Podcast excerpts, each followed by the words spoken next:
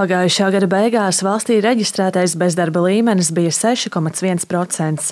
Mazāk apmaksātās profesijas, palīgstrādnieki, veikalu pārdevēji, apkopēji, ceha strādnieki un citi profesiju pārstāvji gada beigās bija visvairāk reģistrējušies bezdarbniekos. Taču tajā pašā laikā šo profesiju pārstāvji visātrāk iekārtojas darbā, stāsta ekonomikas ministrijā.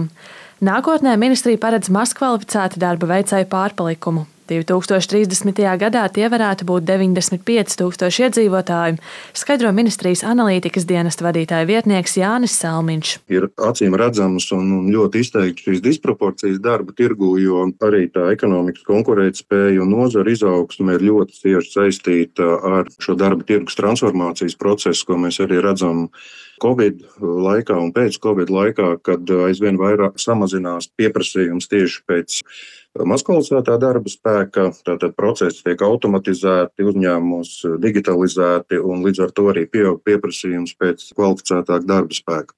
Mums ir iztrūkums arī, par ko mēs esam vairāk kārt runājuši, augstākā izglītībā, tā saucamajās STEM jomās, Un uh, uz 30. gadu skatoties, tad šādu speciālistu trūkums Latvijā varētu būt nedaudz vairāk kā 9000. Taču vēl lielāka problēma darba tirgu ir vidējās profesionālās izglītības posmā, kur nozarēs varētu iztrūkt gandrīz 70 tūkstoši darba roku. Tāpēc pārkvalifikācija un prasmu paaugstināšana ir svarīgi instrumenti, lai atbalstītu iedzīvotāju spēju pielāgoties mūsdienu tehnoloģiju radītajām izmaiņām. Tādējādi neatstājot nākotnē lielu iedzīvotāju daļu bez darba. Nepieciešams pārmaiņās iesaistīt arī uzņēmējus, lai radītu pieprasījumu pēc augstāk apmaksātām darba vietām. Izglītības un zinātnes ministrijas profesionālās un pieaugušo izglītības departamenta vecākā eksperta Jeļena Muhina skaidro, ka pieaugušo izglītības programmās pēdējo gadu laikā jau 80 tūkstoši nodarbināto apguvuši jaunas prasmes un kvalifikācijas, kas atbilst darba tirgus prasībām. Viņa norāda, ka īpašs uzsvers tiek likts uz digitālajām iemaņām. Galvenais Mūsu skatījumā arī viens no tiem aspektiem ir sasniegt tos, kuriem ir mazāka pieredze mācībās. Respektīvi, mēs redzam, ka aktīvāk iesaistās tie, kuriem jau ir kāri uz mācībām, bet e, ir nepieciešams sasniegt tos, kuri varbūt uzreiz neredz pievienotu vērtību no mācībām vai baidās spērt pirmo soli savas mācības, tā skaitā digitālais prasmes.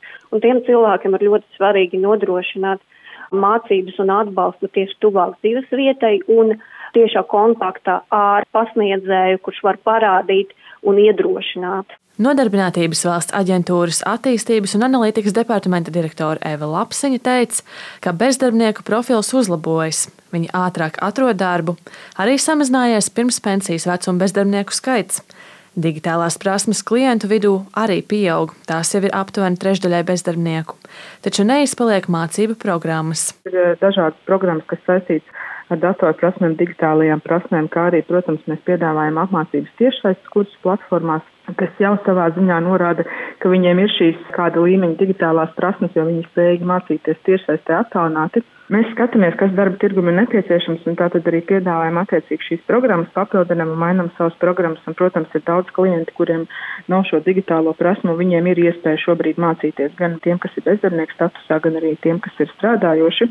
Un noteikti arī nākotnē tas turpināsies un šo programmu piedāvājums paplašināsies. Nozara ministrijas plāno atbalstīt augsti kvalificētu un profesionāli sagatavotu darba spēku piesaisti, un, ja trūkst speciālistu pašu mājās, tad cer īpaši veicināt tautiešu emigrāciju, lai nodrošinātu Latvijas uzņēmumu izaugsmi un eksporta spēju. Linda Spundiņa, Latvijas radio.